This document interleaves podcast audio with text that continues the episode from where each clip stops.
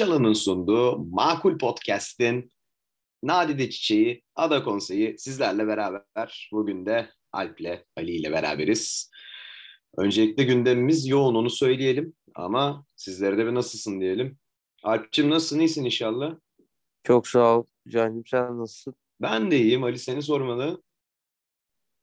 Cancım ben de iyiyim. Teşekkür ederim. Sizler de iyisin. Sen de iyisin inşallah. Senin de halin altını ben sorayım. İyi. Teşekkür ederim beni düşündüğün için. Yani ben bugün zımba gibiyim. Onu söyleyebilirim başta.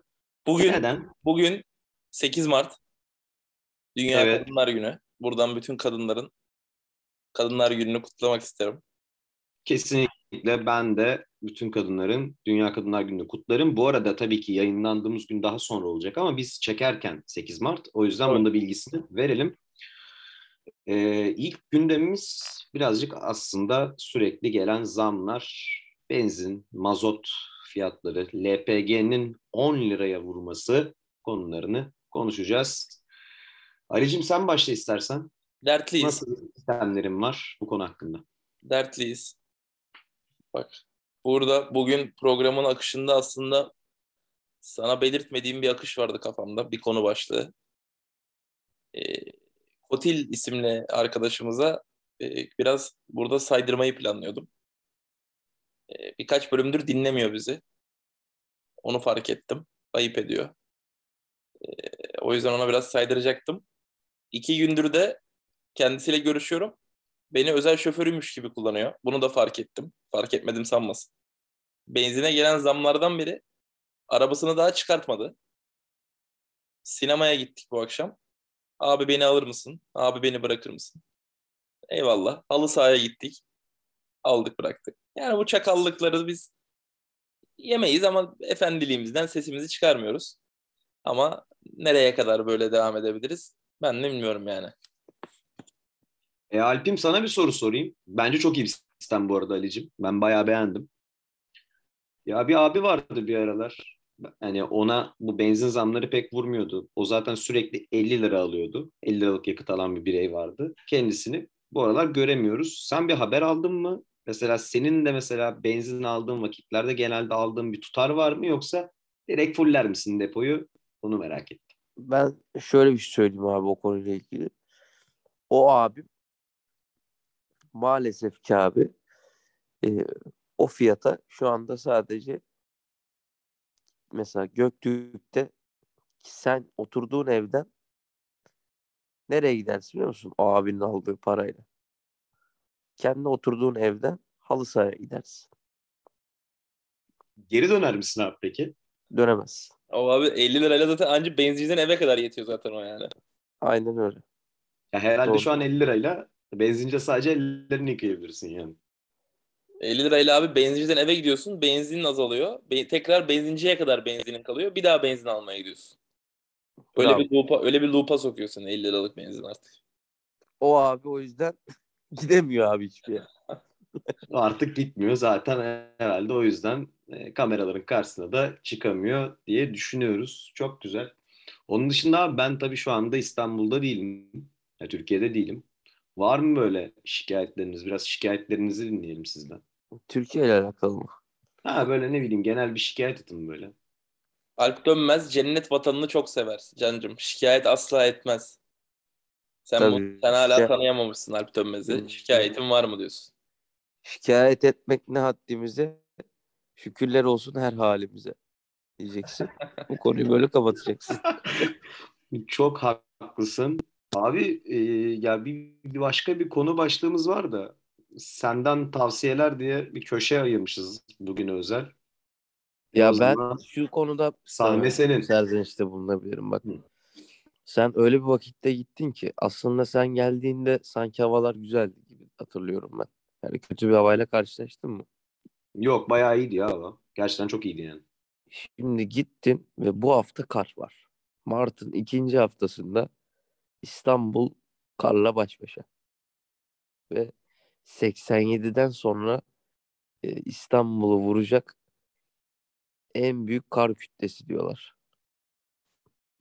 Ee, kim diyor abi? İşte meteoroloji uzmanları böyle uyarıyorlar bizi. Ya bu arada meteoroloji uzmanları derken Gökhan Abur'u çok severim. Yani Aa. sürekli o Balkanlardan gelen soğuk yurtta yağış bırakacak soğuk. ifadesi. Şey şey böyle şey şey gibi okur. Tabii Balkanlardan gelen soğuk hava.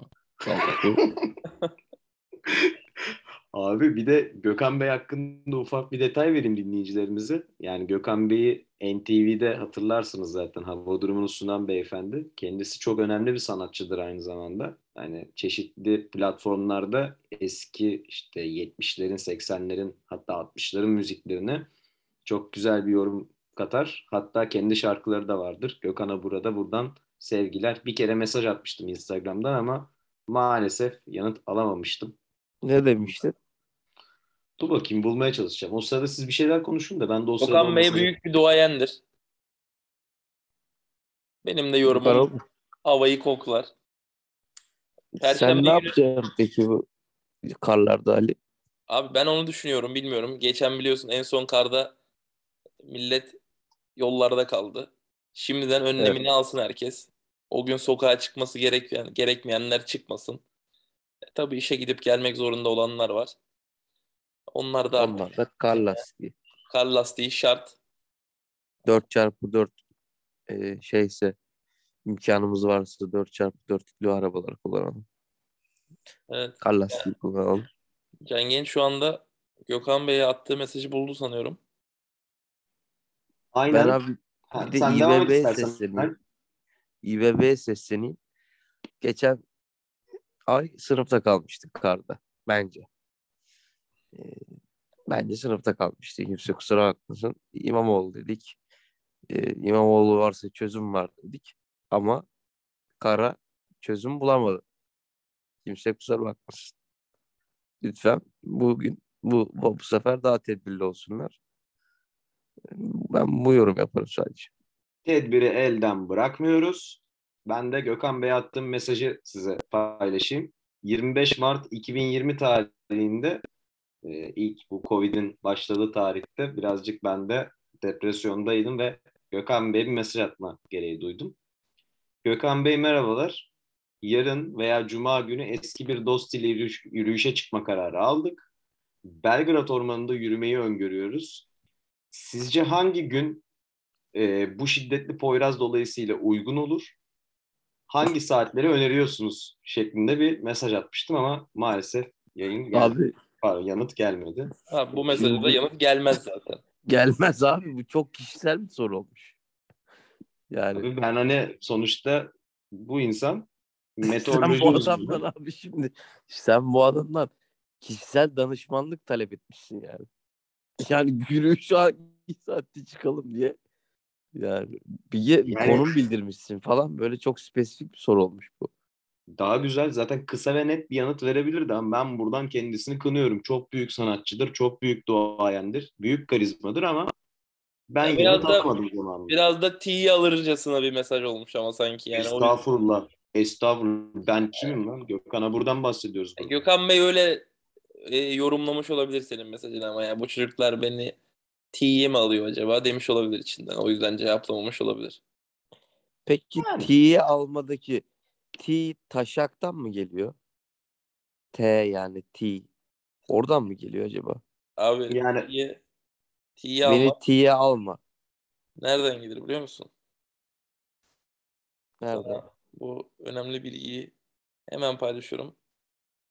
Abi, Paylaş. Abi şöyle bir şey söyleyeyim. Taşan T'si gibi geliyor bana ama. Bulamıyorum. Olabilir. Olabilir. Ya Alp'im seni çok böldük de arada at abi 2-3 tane tavsiye de şöyle bir dinleyicilere şöyle bir şey olsun, bir feyz olsun. Şimdi başlayayım mı? Memnun oluruz. Şimdi hepimiz zaten burada interaktif olalım.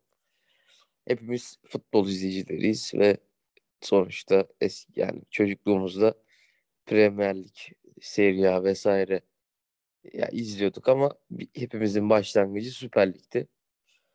Ee, ta kendi gönül gönlümüzde olan takımların maçlarını izleyerek sonuçta futbola bağlandık falan filan. Şimdi bu işin de 20 yıldır e, yayıncısı Lig TV. Yani Dijitürk sonrasında Bein Sports oldu. Lig TV ismi. Vesaire vesaire. Ben abi yayın e, kalitesinden memnun değildim zaten.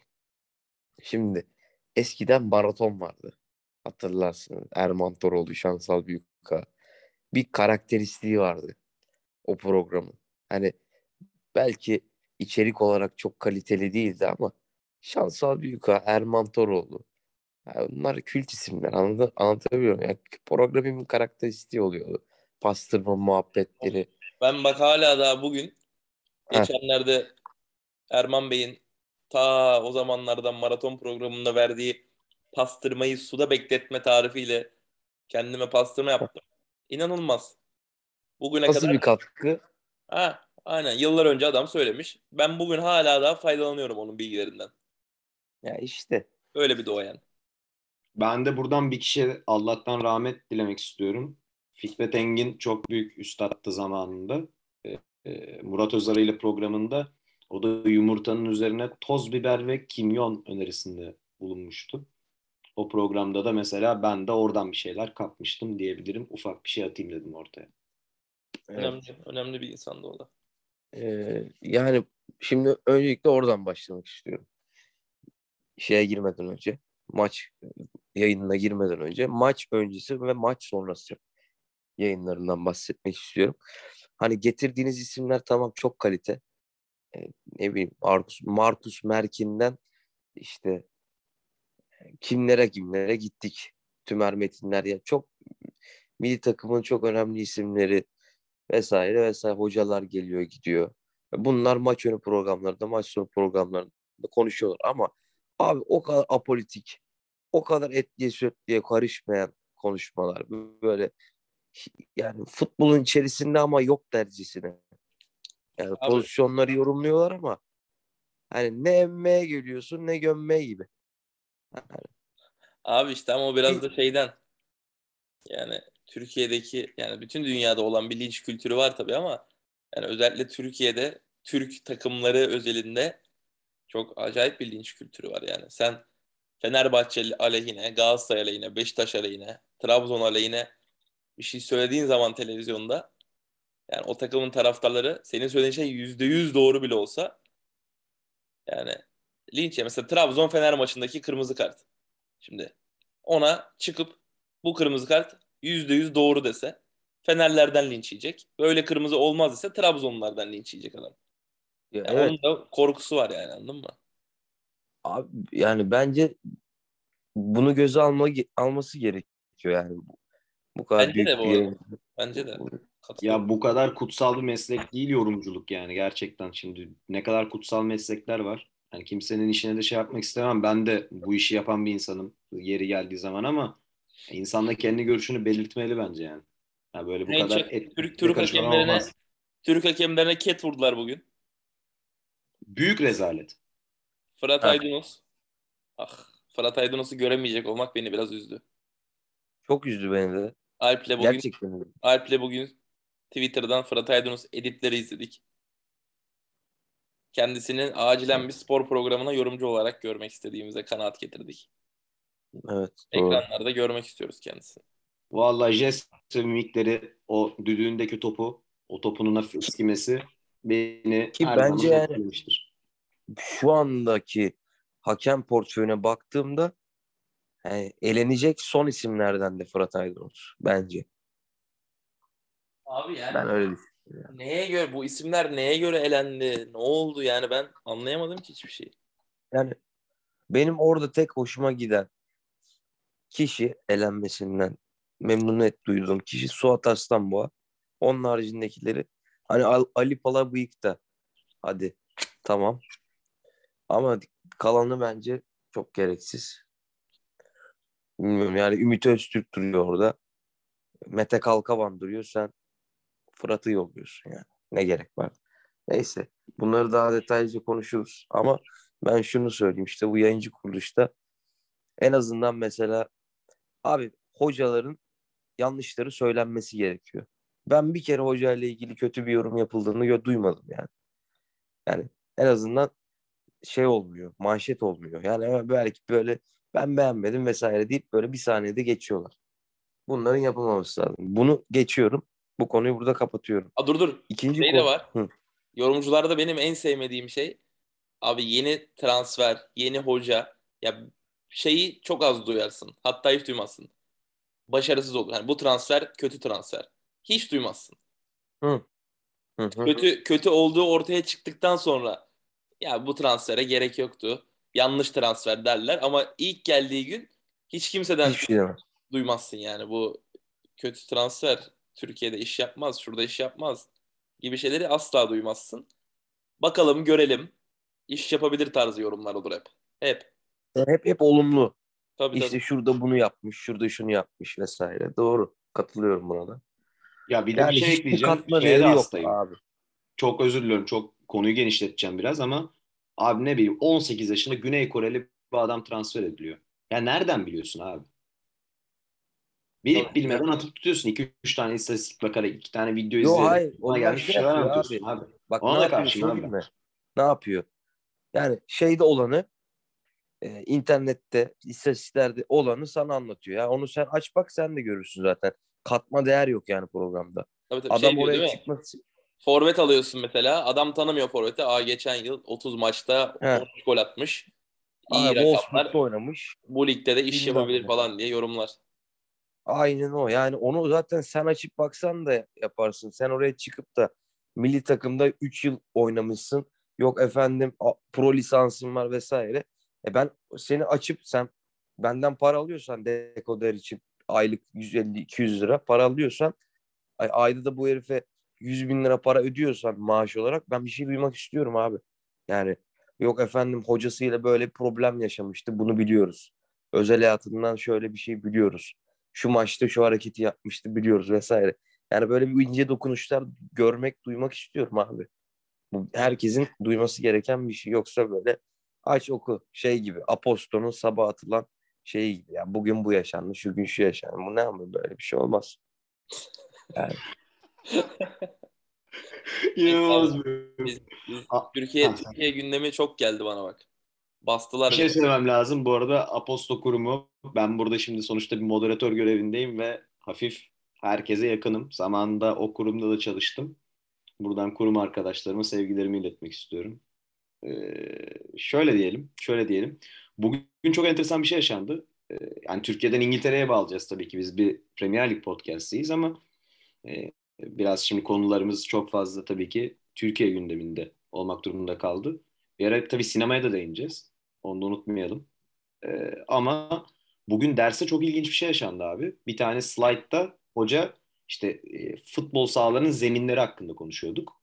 Kötü zemin örneği olarak Galatasaray Juventus maçındaki o tabii ki inanılmaz şartlardan dolayı ama o zeminleri tartıştık. Sonra işte en iyi zeminlerin nerede olduğunu falan tartıştık. Hatta İngiltere'de bile zamanında e, Tottenham'ın Wembley stadını kullandığı 2017 senesinde City maçında bir zemin var. City'nin iki oyuncusu sakatlanıyor. Onun üzerine değindik işte. İlkay Orada galiba Gündoğan- şey vardı ya. NFL maçı mı ne oynanmıştı galiba? Aynen öyle. Aynen öyle. NFL maçından tam 48 saat sonra maç oynandığı için Aynen. sahada böyle şeyler var. Ee, böyle 30-40 falan yazıyor sahada Aynen işte NFL NFL çizgileri var falan. Zemin çok kötüydü evet hatırlıyorum ama. Ama onun dışında işte şey tartıştık işte İngiltere'nin zeminleri çok iyi. Ben yani Türkiye'nin zeminlerinin çok kötü olduğunu falan tartıştık. Çok Ee, kötü. bir- Yani Türkiye'de yani ne iyi ki abi Türkiye'de. bak çok iyi bir yere değindim bu arada. Çok iyi bir yere değindim. Devam abi. Bu da mesela yayın kalitesini de çok akset yani aksi şey yapıyor yani çok kötü kötü kalitesizleştiriyor. Ona ona değineceğim. Onun mesela TFF'nin bir kıstas getirmesi lazım. Hatta belki de yayın gelirlerinden bir kısmını e, şeylere kulüplere mesela atıyorum. Sen e, Fener, Galatasaray'a yayın gelirinden 50 milyon lira veriyorsan çok afak konuşuyorum. Tabii bilmiyorum ne kadar pasta alıyorlar bilmiyorum da. Yani 50 milyonu sen 2 milyonunu bu sene e, şey zemine ayırmak zorundasın demesi gerekiyor. Ve işte yayın ayırmazsa ya da işte belirli kriterlere ulaşmazsa ceza kesmelisin. Yani caydırıcı bir şey olması gerekiyor vesaire. Bu da Tabii. yayın kalitesini izle, izleyicinin aldığı keyfi inanılmaz derecede arttıracak bir Abi- şey. Futbol kalitesini arttıracak bir şey. Yani bak hiç futbolu bilmeyen biri yani hiçbir ligi lige dair hiçbir fikrin olmadığını düşün. Yani Premier Lig, Süper Lig falan hiçbirini bilmiyorsun. Televizyonu açıyorsun. işte 77. kanalda Süper Lig maçı var. 78'de Premier Lig maçı var mesela. Sen hiçbir fikrin yok.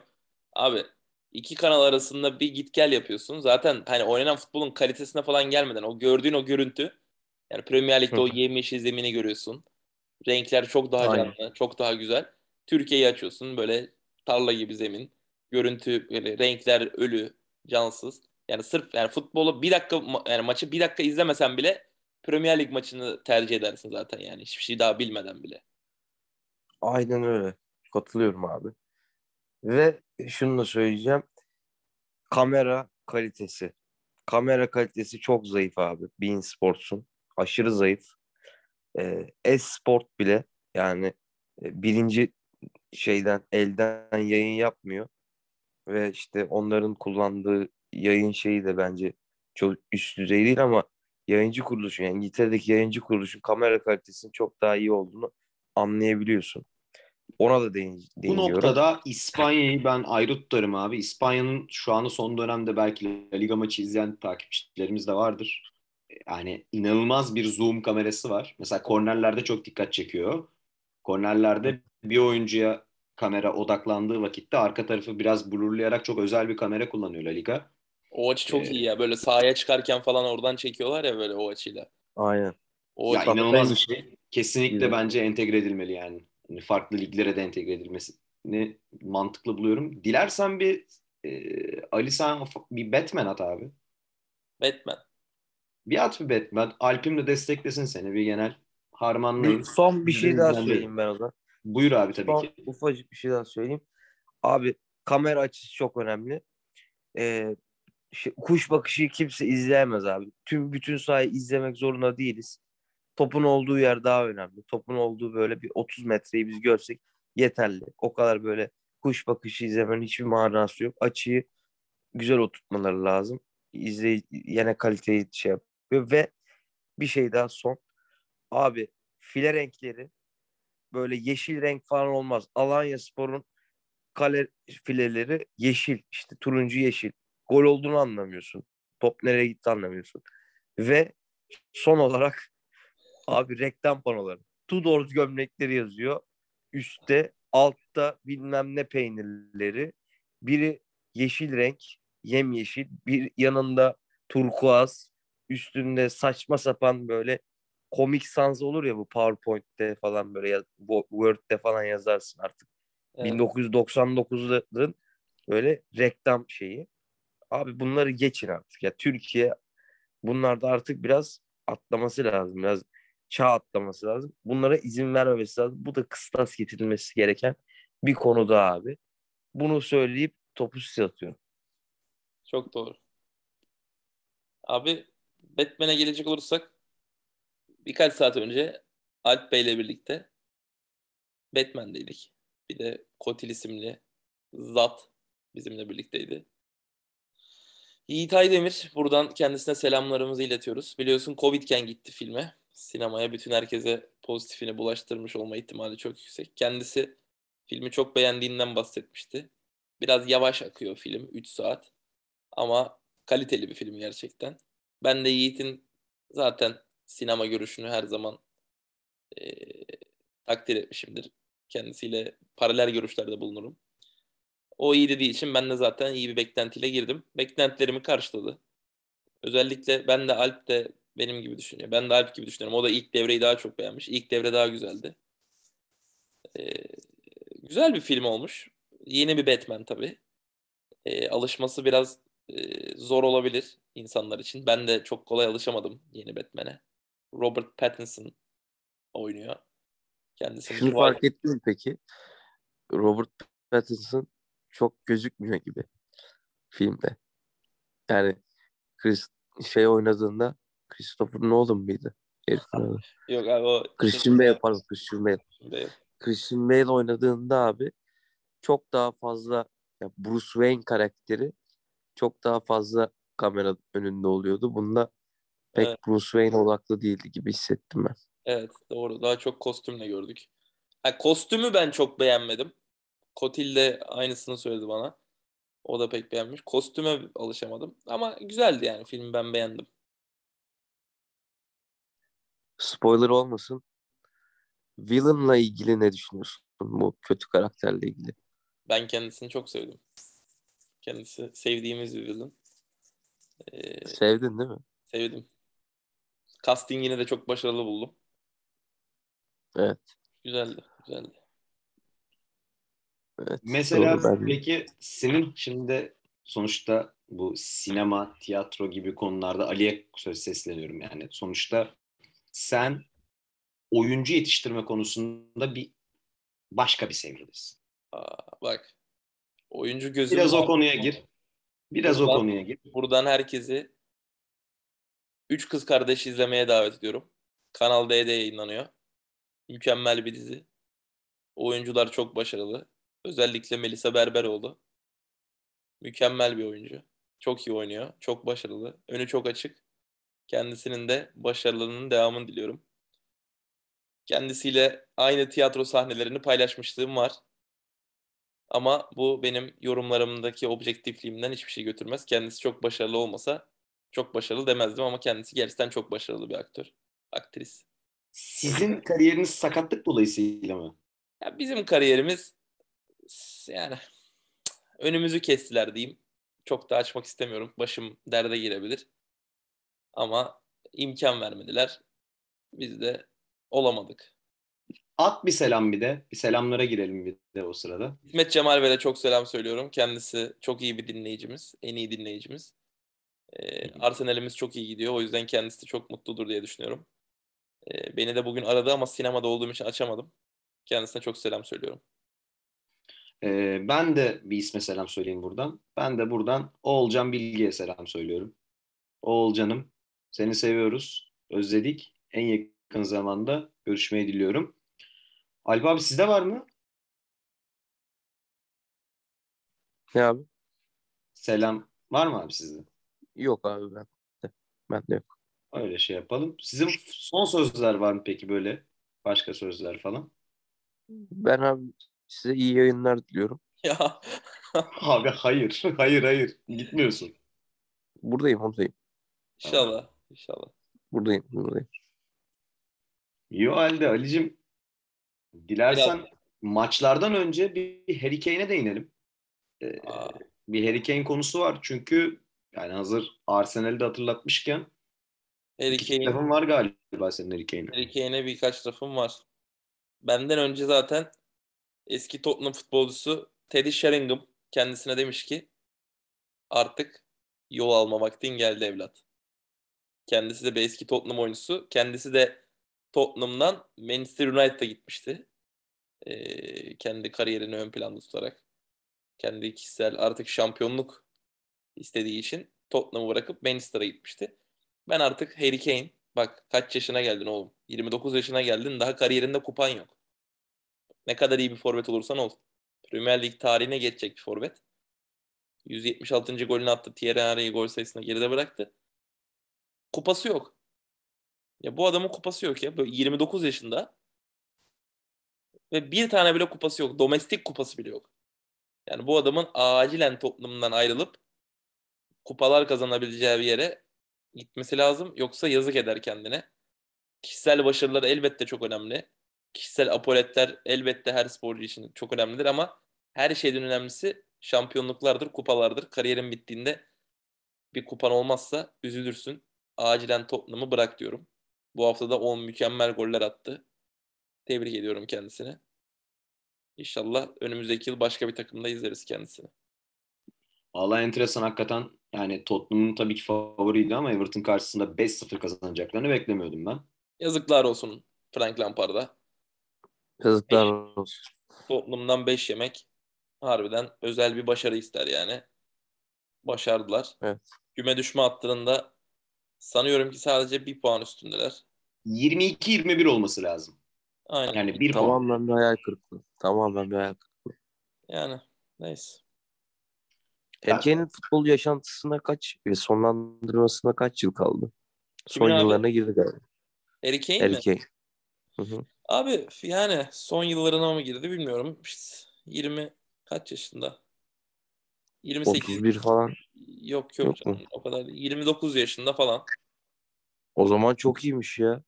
Hemen ayrılması lazım. Hemen. Aynen tam şu an prime'ında ayrılıp önümüzdeki bir 2-3 yıl toplayabildiği kadar kupa toplaması lazım. Evet hemen. Ben bir saniye kontrol edeyim tam yaşını. Ben de merak ettim. Baktım. ya ben de 30 diye tahmin ediyorum da. Yo baktım baktım ya. 29 Ha. olacak yakında. Evet 29 olacakmış. Hakikaten gitmesi lazım ya. Temmuz doğumlu. Benle aynı ay. Yengeç burcu. Duygusaldır. Hı hı. Gerçi 28 Temmuz galiba yengeç olmuyor ya.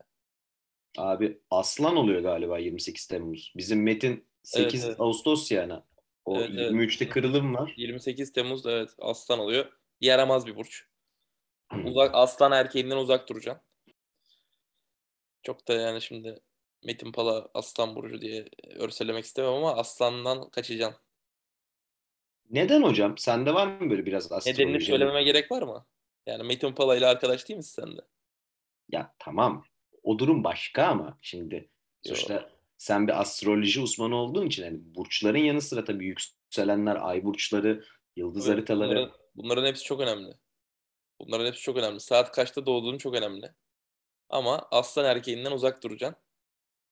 Yengeç. Burçların şahıdır. Ya yengeç Var mı başka sevdiğin burç senin? Böyle yengeç Ben harici. genelde su burçlarını severim. Balık. Akrebi severim. Babam akrep. Buradan selamlar kendisine. Yani bu burçlarda bu, burç, bu, bu burçlar iyidir. Ama yengeç tabii burçların şahıdır. Bunu söylemem lazım. Alp abim de var mı bir burç? Hani burç tavsiyesi falan, astroloji. Burç. Kadın olarak mı? Mesela kadında hangi burcu tercih edersin? Hangi burçtan kaçarsın abi? Kadın oğlak galiba. Oğlak demişlerdi bana. Öyle kaldı aklımda. Kadın oğlak. E tabi tensel olarak da a- akreple uyuşurum ben. Tensel ama. E, karakter olarak uyuşmam. E, erkek olarak ben Başak'ı öneririm herkese. Önerim Başak olur.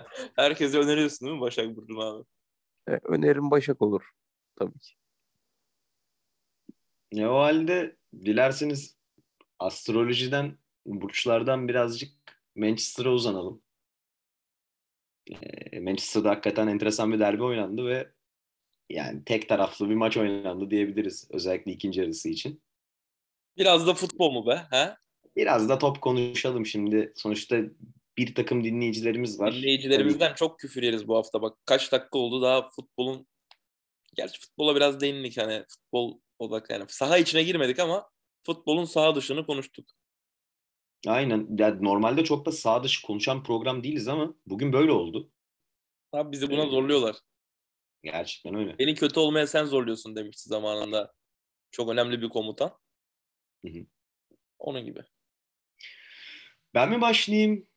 Sen mi? Sen başla Başlamak abi. Ben, ben, ben eklerim. Tamam. Ya açıkçası ya maçın başında bizim daha doğrusu benim tahminim e, ya City'nin tabii kazanacağı yönündeydi. Hatta geçen programda böyle skor tahminlerinde de City'nin lehine e, tahminlerde bulunmuştuk. Yani skor tahmini vermiştik geçen programa özel. Ya, skor tutmadı ama yani beklediğimiz dominasyonu gördük City'den. E, yani City'nin tabii ki topa hükmedeceğini düşünüyorduk özellikle iç sahada ve nitekim zaten %69'da topa sahip olan bir City rakibine oranla 19 tane fazla şut çeken, 701 pas yapan e, bir City gördük yani ve yani maça da zaten direkt golle başlayan bir City vardı. Yani golde ilk gol şöyle geldi ki sol sol tarafta da değişik bir aksiyon oldu orada. Hatta topsuz koşuların belki de futbola ne kadar etki ettiğinin e, bir örneğiydi bence bu gol. E, Bernardo Silva ve Grealish'in sol taraftaki inanılmaz paslaşmasının ardından orada Kevin De Bruyne'nin ceza sahası içinde kendini rakip savunmayı unutturması, Lindelöf'ün de birazcık daha aslında beke desteğe geldiği vakitte orada e, De Bruyne'nin demarke kalıp temiz bir vuruşla maçı 1-0'a getirmesi vardı. E, ya ben açıkçası yani bu kadar hızlı bir başlangıç bekliyor muydum desem Yani City'nin çok büyük dominasyonu bekliyordum ama e, yani 5. dakikada da City öne geçer diye düşünmüyordum. Ki bu gole de tepki geldi. Bu gole tepki de zaten hani United e, Pogba'nın atağı ters yöne çevirmesiyle beraber Sancho'nun bireysel yeteneğiyle esasında hakikaten Sancho'dan da e, United taraftan bekledi de budur. Çünkü zaten Dortmund döneminde özellikle bunları çok görüyorduk ama e, United döneminde bu alanları bu şekilde bu kadar istediği şekilde yakalayamıyordu ve Sancho da ne kadar aslında bu tarz vuruşlarda temiz bir ayağı olduğunu gösterdi. Ki yani hemen akabinde zaten orada hani United topla çıkarken yine bir hata yaptı ki savunmadan çıkışlarda aslında beklerin ayağının düzgün olması ne kadar önemli olduğunu bir bu pozisyonda da görüyoruz ki orada Van Bissakka'nın attığı pas mesela son derece bence hatalı bir pastı. Ki... Van Bissakka'yı burada hep gömdüm. Kendisini Hı-hı. hiç beğenmiyorum. Bu kadar kötü ayağı olan, hücumu bu kadar kötü olan bir sağ bek büyük takımın sağ beki olamaz abi. Ne kadar iyi savunmacı olursa olsun. Yani hücumda bu kadar sıfır bir adamın oynamaması lazım. 50 milyon verdiler bu adama. Yazıklar olsun. Ya son derece katılıyorum yani gol hani tamam City tabii ki yani gol daha sonrasında geliyor ama ya Van Bissaka orada savunmadan topu çıkarırken esasında o kadar da zor olmayan bir pası yani gerektiği kadar yukarıdan atamıyor. Ve baskı altında da ki çok da büyük baskı altında değil o pozisyonda. Yani bu hata onu o noktada zaten topu kazanan City. Ardından top bir şekilde Foden'la buluşuyor ve hani Foden'ın orada Lindelöf'e karşı zaten e, yani ilk dokunuş hareketinin ne kadar hızlı olduğunu ve oradaki beceriyi görüyorsunuz. E, ve oradan sonra zaten yani Foden'ın yaptığı hareketten sonra e, yani kaleci yine çok başarılı bir kurtarışa imza atıyor De Gea orada ama ardından dönen topta ya De Bruyne boşta kalıyor. Ki arada bir Bernardo Silva oluyor galiba. Orada savunma bir şekilde döndürüyordu pozisyonu öyle hatırlıyorum. Şimdi yanlışım olmasın sen beni düzelt ama sonrasında zaten De Bruyne boş ağları topu yolluyor. Yani öyle bir pozisyon izledik. Yani açıkçası City bu tip hataları hiç affetmiyor ve United'da e, senin de demin belirttiğin gibi yani Van Bissaka gibi oyuncuların ve aynı zamanda hani savunmada bence Fred'in de bence ayağı bazı noktalarda problemli. Hani tamam çok iyi bir oyuncu bence Fred. Hani hatta çok underrated bir oyuncu olduğunu da düşünüyorum ama ben bu maçta Fred'in de bazı noktalarda sırıttığını gördüm diyeyim ilk yarı e, itibariyle. Ona da 50 verdiler biliyorsun. Ona da 50 verdiler. Aynen. Sen gir istersen. Günah. Sonra ben. Günah. Bu, paralar, bu paralar günah. Çok para abi. Abi ben şöyle tabii birbirinden çok farklı iki yarı oldu. İlk yarı City golü o kadar erken bulduktan sonra ben herhalde yani City için çok rahat bir maç olur diye düşünüyordum. Çünkü hani United'ın da son yıllarda City'ye bir üstünlüğü var Etihad'da oynanan maçlarda. Hani bayağı 2-0'dan 3 yenmeler, berabere kalmalar, bir sürü galibiyeti ve beraberlikleri var yani. Ustad'da üstün bir takımdı. Ama hani City golü erken bulunca tamam dedim hani artık bu sefer o şeyi City kıracak. Rahat bir galibiyete gidecek diye düşündüm. Ama ilk yarıda işler tam öyle gitmedi aslında. Hani biri biri buldu United Sancho'nun golüyle. Pogba bak Pogba kendine çok yazık ediyorsun. İnanılmaz bir topçu ama oynamıyor. Mental olarak yok. Ama yani oynadığında da mest oluyorsun yani. Acayip bir topçu. Çok başka topçu bence de. Hakikaten United'da zorlamaması lazım. Yani dünya futbolu için hakikaten transfer yapması lazım. Yani şu Fransa'da falan oynadığı top yani yazın. Yani gerçekten çok çok üzülüyorum ya. Pogba'yı böyle gördüğümde çok üzülüyorum. İnanılmaz bir topçu ama işte oynamıyor. Ne yapacaksın? Abi neyse işte ilk kere 1-1 oldu falan. Ben dedim herhalde bu maçı da United alacak diye düşündüm bir ara. Hani 1-1 oldu. O sıralarda United böyle sürekli bir kontra kovalama, sürekli bir tehlikeli çıkışlar falan. Ben dedim bu maçta gidiyor herhalde Tottenham maçı gibi. Guardiola bu maçta da yenemeyecek diye düşündüm ama ikinci yarı yani bambaşka bir ikinci yarı. United'ın şutu yok yani kaleye ikinci yarı sanırım. Tam emin değilim ama sıfır. Yok yok sıfır sıfır direkt. Yani sıfır yani etki yani hiçbir pozisyon bulamadılar. Hiçbir şey yapamadılar. United açısından işler kötü.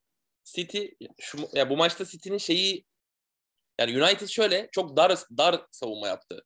Yani ortayı kalabalık tuttu. Kanatları biraz boş bıraktı. Böyle olunca da Bernardo Silva'nın sola yaklaşması, orada Grealish, Bernardo Silva Cancelo üçgenleri çok etkili oldu. Topun Cancelo'ya yani sol stoperden Cancelo'ya giden o paslar çok rahat gitti ve orada 3 tane çok mahir isim, ayağına çok hakim, ayağını çok iyi kullanan 3 tane isim olunca orada kullandıkları, yaptıkları üçgenler, oradaki sayısal üstünlükle çok yani zorladılar United o dar savunmaları. United'ın başına biraz bela açtı. De Bruyne de sağ hani sağ içten böyle bitirici roldeydi daha çok. Hani solda hazırlanıp sağ içten De Bruyne'nin bitirdiği bir maç oldu. Orada sol tarafta sayısal üstünlüğü de elde ettiler. Yani bu şekilde yani United bilmiyorum dar savunma yaparak iyi mi yaptı? Hani ortayı kapatalım mentalitesiyle herhalde dar bir savunma yaptılar ama yani City'de tabii yani o kadar yetenekli ayak var ki ortayı kapatsan kenardan çözüyorlar. Yapacak bir şey yok. Buradan City'yi kutluyorum. Arsenal'in de United'la olan puan farkı açıldı. Bir puan öndeyiz. Üç maçımız var elimizde. Üç maç eksiğimiz var. Artık inşallah bu yıl Arsenal ilk dörde girecek diye düşünüyorum.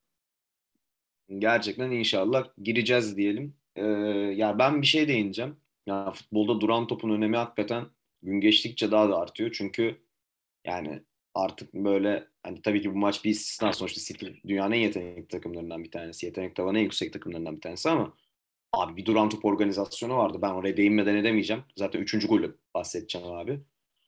Yani üçüncü golde ha dikkat ederseniz önce John Stones'un Alex Teyes'i ön direğe kadar götürüşü var. Bak duran top organizasyonunun başı bu, bu şekilde başlıyor ki orada zaten amaç zaten Mar, e, Mahrez'i demarke bırakmak ve orada Rodri'nin bir perdelemesi var. O noktada duran topu kullanan iki kişi var orada. Yani duran top noktasında korneri kullanan iki kişi var. Ve De Bruyne orada Mahrez'le bir göz teması kuruyor ve Mahrez o perdeden inanılmaz bir şekilde kendini saklayarak çok temiz bir vuruşla City'yi 3-1 öne geçiriyor. Yani bu gol hakikaten böyle uzun uzun oturup böyle defalarca izlenebilecek bir gol ve muhteşem bir organizasyon. Ben hakikaten bu noktada yani bu organizasyonun mimarı Pep Guardiola mı yoksa bir ekstra bir duran top hocası mı var bilmiyorum ama Abi yani vardır. Tüm takımların yaratıcı duran top organizasyonlarını birazcık daha önemsemesi gerektiğini düşünüyorum. Hele hele bugünümüzün şartlarında demek istiyorum. Abi bu takımlar artık yani taçların bile hoca yani taç hocaları var. Hani ter hani taçı bile rastgele atmayan takımlar yani artık bunlar hani hiçbir kornerleri, hiçbir duran topları rastgele böyle yani içeri kes De Bruyne içeri kessin karambole biri bir şey yapar gibi yani hiçbir korneri, hiçbir duran topu harcamıyorlar yani. Taçları bile işte dediğim gibi rastgele atmayan takımlar bunlar. O yüzden artık her duran topun önemi çok yüksek. Gerçekten öyle. Yani var mı diyeceğim bir şey? Ya ben buradan City'yi kutlayayım. Ya ikinci yarıdaki özellikle son 20-25 dakikalık oyundan dolayı da kutluyorum City'yi. Var mı senin ekleyeceğin bir şey? Abi ekleyecek bir şeyim yok. Güzel bir maç oldu. Şampiyonluk yarışı biraz kızıştı son haftalarda biliyorsun. Liverpool takibi sürdürüyor. Güzel bir son 10 hafta, son 10-12 hafta artık. Güzel bir lig sonu olur inşallah. Heyecanlı bol. Daha key, yani yakınlaşınca Liverpool bir keyiflendi lig tabii. İnşallah güzel bir lig geçer yani. Ya Liverpool demişken ilk Arsenal konuşalım diye düşünmüştüm ama Tabii tabii. Dilersen arada eriteyim ya da sen sen Arsenal konuş sonra konuşuruz. Yani Liverpool'u boş ver yani konuşacağız. Nişanlı Arsenal'imizi bir konuşalım. Bak Liverpool, zaten İsmet Cemal ver. Elleri kaşınıyor artık Arsenal artık Arsenal diyor adam. Bütün Liverpool taraftarlarını da böyle karşıma alırım bir anda bak. Ne Liverpool konuşacağız derim. Burada bizi basarlar ama biliyorsun Türkiye'de Liverpool'lar. Tabii canım. Çok tehlikeli bir örgüt. Karşımıza almak Allah'tan Türkiye'de değilim abi biz sıkıntıya gireriz. Karşımıza almak istemediğimiz bir camiadır yani öyle söyleyeyim. Abi Arsenal maçına geçiyorum. Geç geç. Ben aralarda dokunurum, bir şeyler söylerim. Çünkü ben çok bölük pörçük izleyebildim o gün. Ee, çok hakim değilim senin kadar. O yüzden sen konuş. Ben de aralarda gördüğüm şeylerden bahsederim. Abi Arsenal adına çok güzel şeylerin olduğu ama bir o kadar sıkıntılı noktaların da olduğu bir maçtı. Özellikle savunma konusunda uzun zamandır bu kadar kötü görmedim Arsenal'i. Bu kadar dağınık. Ee, tabii rakip Watford olunca bir şekilde kazandı Arsenal ama savunmada çok dağınıktı takım. Kieran Tierney'i çok severim biliyorsun. Hepimiz seviyoruz. Ama biraz savunma zaafı var. Yani birebir savunmada zaafları var. Onları orada biraz kendini geliştirmesi lazım. Yani hani gerçekten seviyorum. İyi, iyi de bir oyuncu olduğunu düşünüyorum ama biraz savunma zaaflarını törpülemesi lazım. Onun dışında zaten burada fix artık hani rutin oldu. Her hafta Martin Odegaard'ı e, övüyoruz. Yine inanılmaz bir top oynadı. Sağ sağ içte Saka'yla aynı şey gibi yani Bernardo Grealish'te gördüğümüzü belki daha üst daha iyisini Saka Odegaard'da izledik. Çok iyi bir ikili uyum yakaladılar. Birbirlerine sürekli alverlerle pozisyon yaratıyorlar. Bir verkaç üzerine Saka'nın tekrar içeri çevirdiği topta Odegaard çok güzel bir bitirici vuruş yaptı. Arsenal'in 3 golü de birbirinden iyiydi zaten. Harbiden Saka'nın attığı gol, Odegaard'ın attığı gol, Martinelli'nin attığı gol hepsi çok çok üst düzey gollerdi. Abi Çok şöyle küçük bir şey soracağım sana. tabii. Ufak bir şey soracağım. Ya ben bir pozisyon gördüm de yani muhteşem bir gol attı bu arada Arsenal. Arteta'nın Aa, oradaki atikliğiyle aa, o hocam, pozisyonu senden bir dinleyelim yani. hocam maçı yaşıyor ya. Maçı yaşıyor hocam. Asistin asisti. Nin asisti daha doğrusu ama olsun. Orada taça çıkan topta bir top toplayıcı edasıyla hemen verdi topu. Çok hızlı bir taç kullandık. Odegaard'ın pası. Lacazette tek de Martinelli'nin önüne bıraktı. Martinelli de tabii usta bir bitiriş yaptı. Ceza sahası dışından. Kaleciyi e, adeta kaleciye böyle bir ufak bir fıtık ameliyatı deriz biz böyle. Kaleci hareketsiz kaldı. Bel suyu mudur hocam? bel, bel suyunun alınması deriz. Yani öyle bir ufak bir operasyon yaptı. 10 numara goldü harbiden ya. Goller Ya şey çok estetikli de golde abi. Hep tek dokunuş. Evet. Odegaard'ın pas, Lacazette'in tekte Evet pas, abi. Çok acayip yani. Martinelli'nin tek vuruş. Yani bir şey Zevk aldım yani. Başka bir Arsenal geliyor. Bir de Harbiden. bir, bir veri paylaşayım dilersen. Yani son 10 hafta puanlarına bakıldığı zaman Arsenal Premier Lig'in en çok puan alan takımı konumunda. Averajla ikinci sırada gibi biliyorum ama Çok yani formda. yaklaşık 20 acayip formda. Hakikaten nazar değmesin buradan. Takımın önünde kimse okumuyorum. duramaz. Demeyeyim. Şimdi Liverpool maçları falan geliyor. Tottenham deplasmanı falan. Oralarda bir sıkata gelirsek çok kötü olur. Orada taklaya gelmemek lazım. Ya Tottenham'a yenilmediğimiz sürece ben ilk dördü çok yüksek ihtimal görüyorum. Tottenham deplasmanı çok kritik. Orada en kötü beraberliği aldığı anda Arsenal kendini ilk dörtte bulur diyorum ben. Allah inşallah abi. Maçla ilgili son söyleyeceğim şeyler. Watford'un sol beki Kamara. Kendisini beğendim. Fransa'dan gelmiş. Nice'den mi ne geldi galiba? Hassane Kamara mı ne öyle bir şey. Kendisi iyiydi. Biraz e, akıl problemleri var gibi duruyor ama atletizm olarak, savunma özelliği olarak falan kendisini beğendim. E, Abi Nis'ten gelmiş doğrusun fil dişi sahilli 28 yaşında. Sokko yılların topçusu. Hala on numara top oynuyor. Çok enerjik. Hiç 22 yaşındaymışçasına koşturuyor sahada. Bir orada bir burada. Onu da çok beğendim. Onun dışında notlarıma bakıyorum. Cancım notlarıma bakıyorum. Buraya yazmışım Granit Çaka. Artık yeter. Artık yeter. Yani şurada bak var ya sürekli maçı izlerken onu düşünüyordum içimden. Yani Çaka yerinde böyle daha mahir, daha böyle atlet, daha hücumcu bir oyuncu olsa yani her hücumda verdiği her karar yanlış. Attığı her pas yanlış. Yap, aldığı her aksiyon hatalı. Tabii bu onun suçu değil. Yani kendisinin iyi veya kötü bir oyuncu olmasını tartışmıyorum ama Arteta'nın son haftalarda, son dönemlerde oynadığı 4-3-3 o iki iç oyuncusu Odegaard ve Çaka. Yani Çaka o rolün oyuncusu asla değil. Ama e, yapacak bir şey yok. Yani Partey savunma önünde tek başına. Sol işte Çaka e, yani o rolün oyuncusu olmadığını her hafta gösteriyor ama işte lig sonuna kadar bir şekilde artık Çaka ile idare edeceğiz. Seneye oraya inşallah o rolün oyuncusu gelir. O zaman işte Forvet'le beraber yine söyleyelim. Arsenal inşallah seviye atlayacak diye düşünüyorum ben. Abi Liverpool maçına geçmeden önce sana bir soru soracağım. Son dönemde bu bir tespitim ama ne kadar doğruyum bilmiyorum. Sen de Alp, Alp burada mı? yok herhalde. Buradayım, bur- buradayım. Kardeşim buradayım. Hep her hafta yeniliyorum farkında mısın? Böyle böyle buğulu, buğulu bir ses geldi oradan. Buradayım buradayım neredeyse. Hadi Yok birkaç- buradayım. bir 5-10 5 dakika diren kapatacağız zaten. Yok yok buradayım. Merak etmeyin. Şöyle bir şey söyleyeceğim. Hatta Alp'i de ilgilendiren bir konu. Bence Alp bunu yanıtlar. Hatta sen de yanıtlarsın. Merak ediyorum. Bir gözlemim var abi.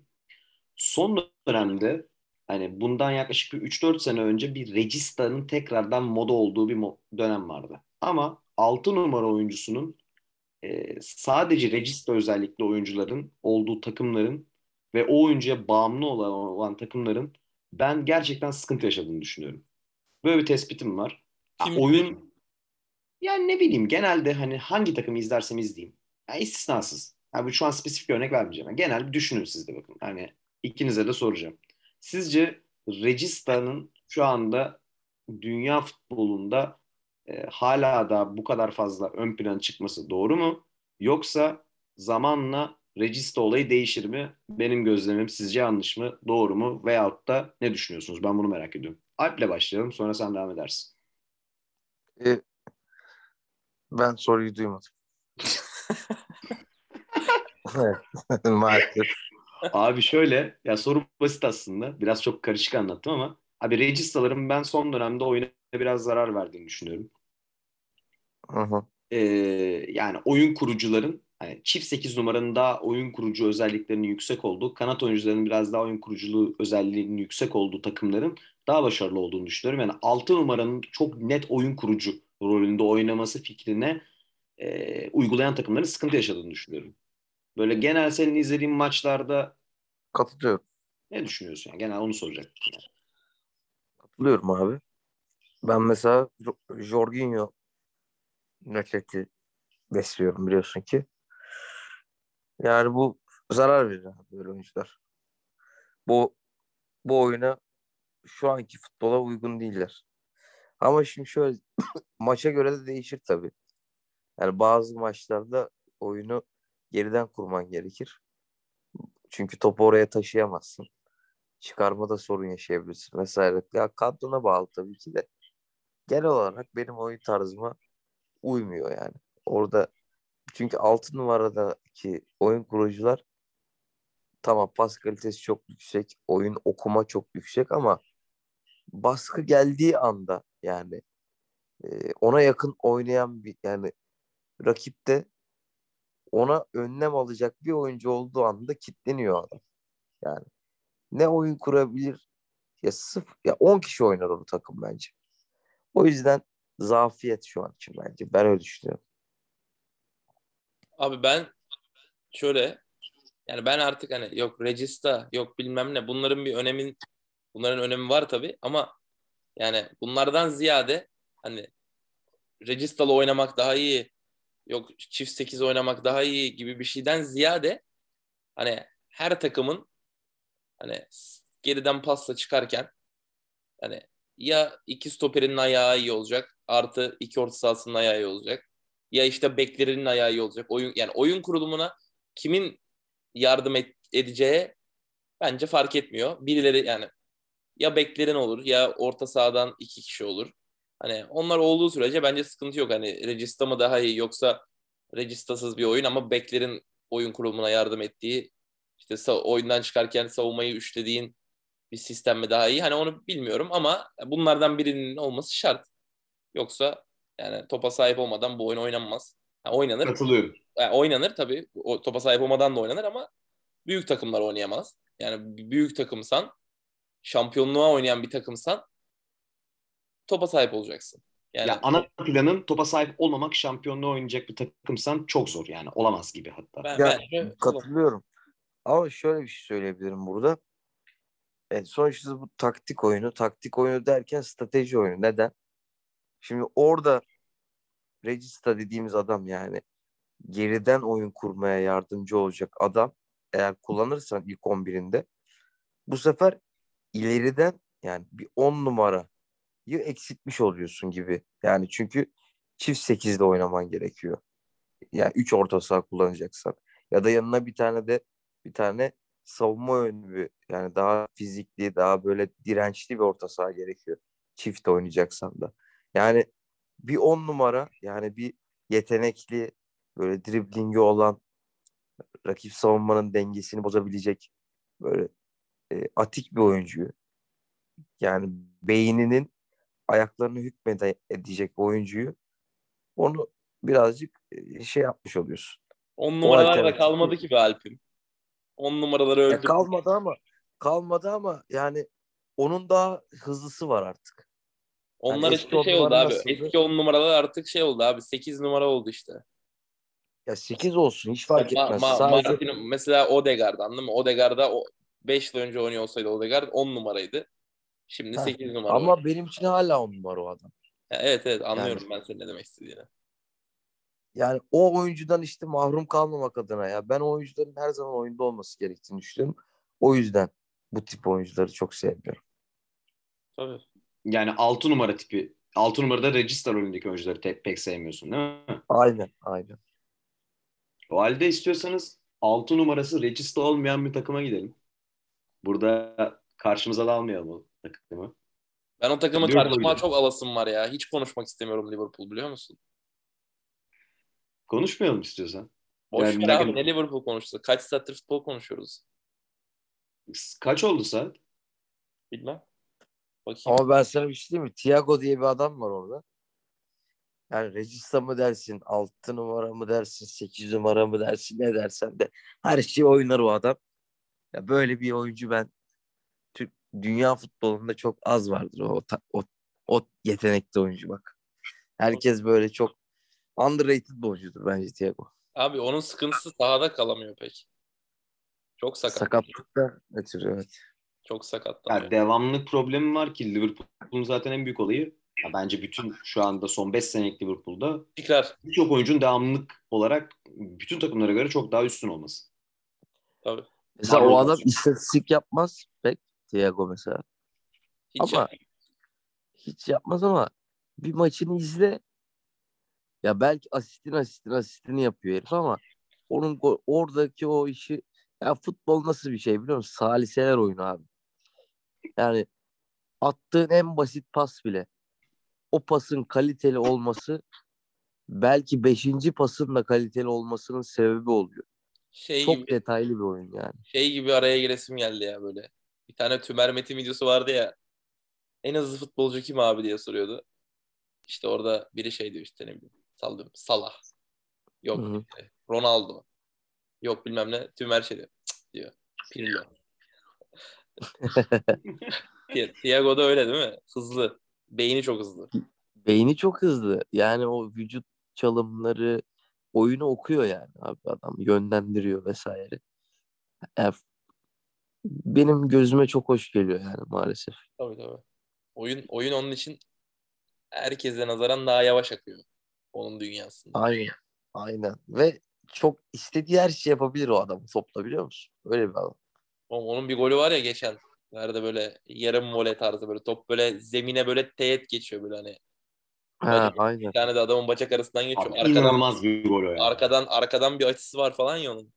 Saçma sapan bir şey ya. Yani aynen öyle.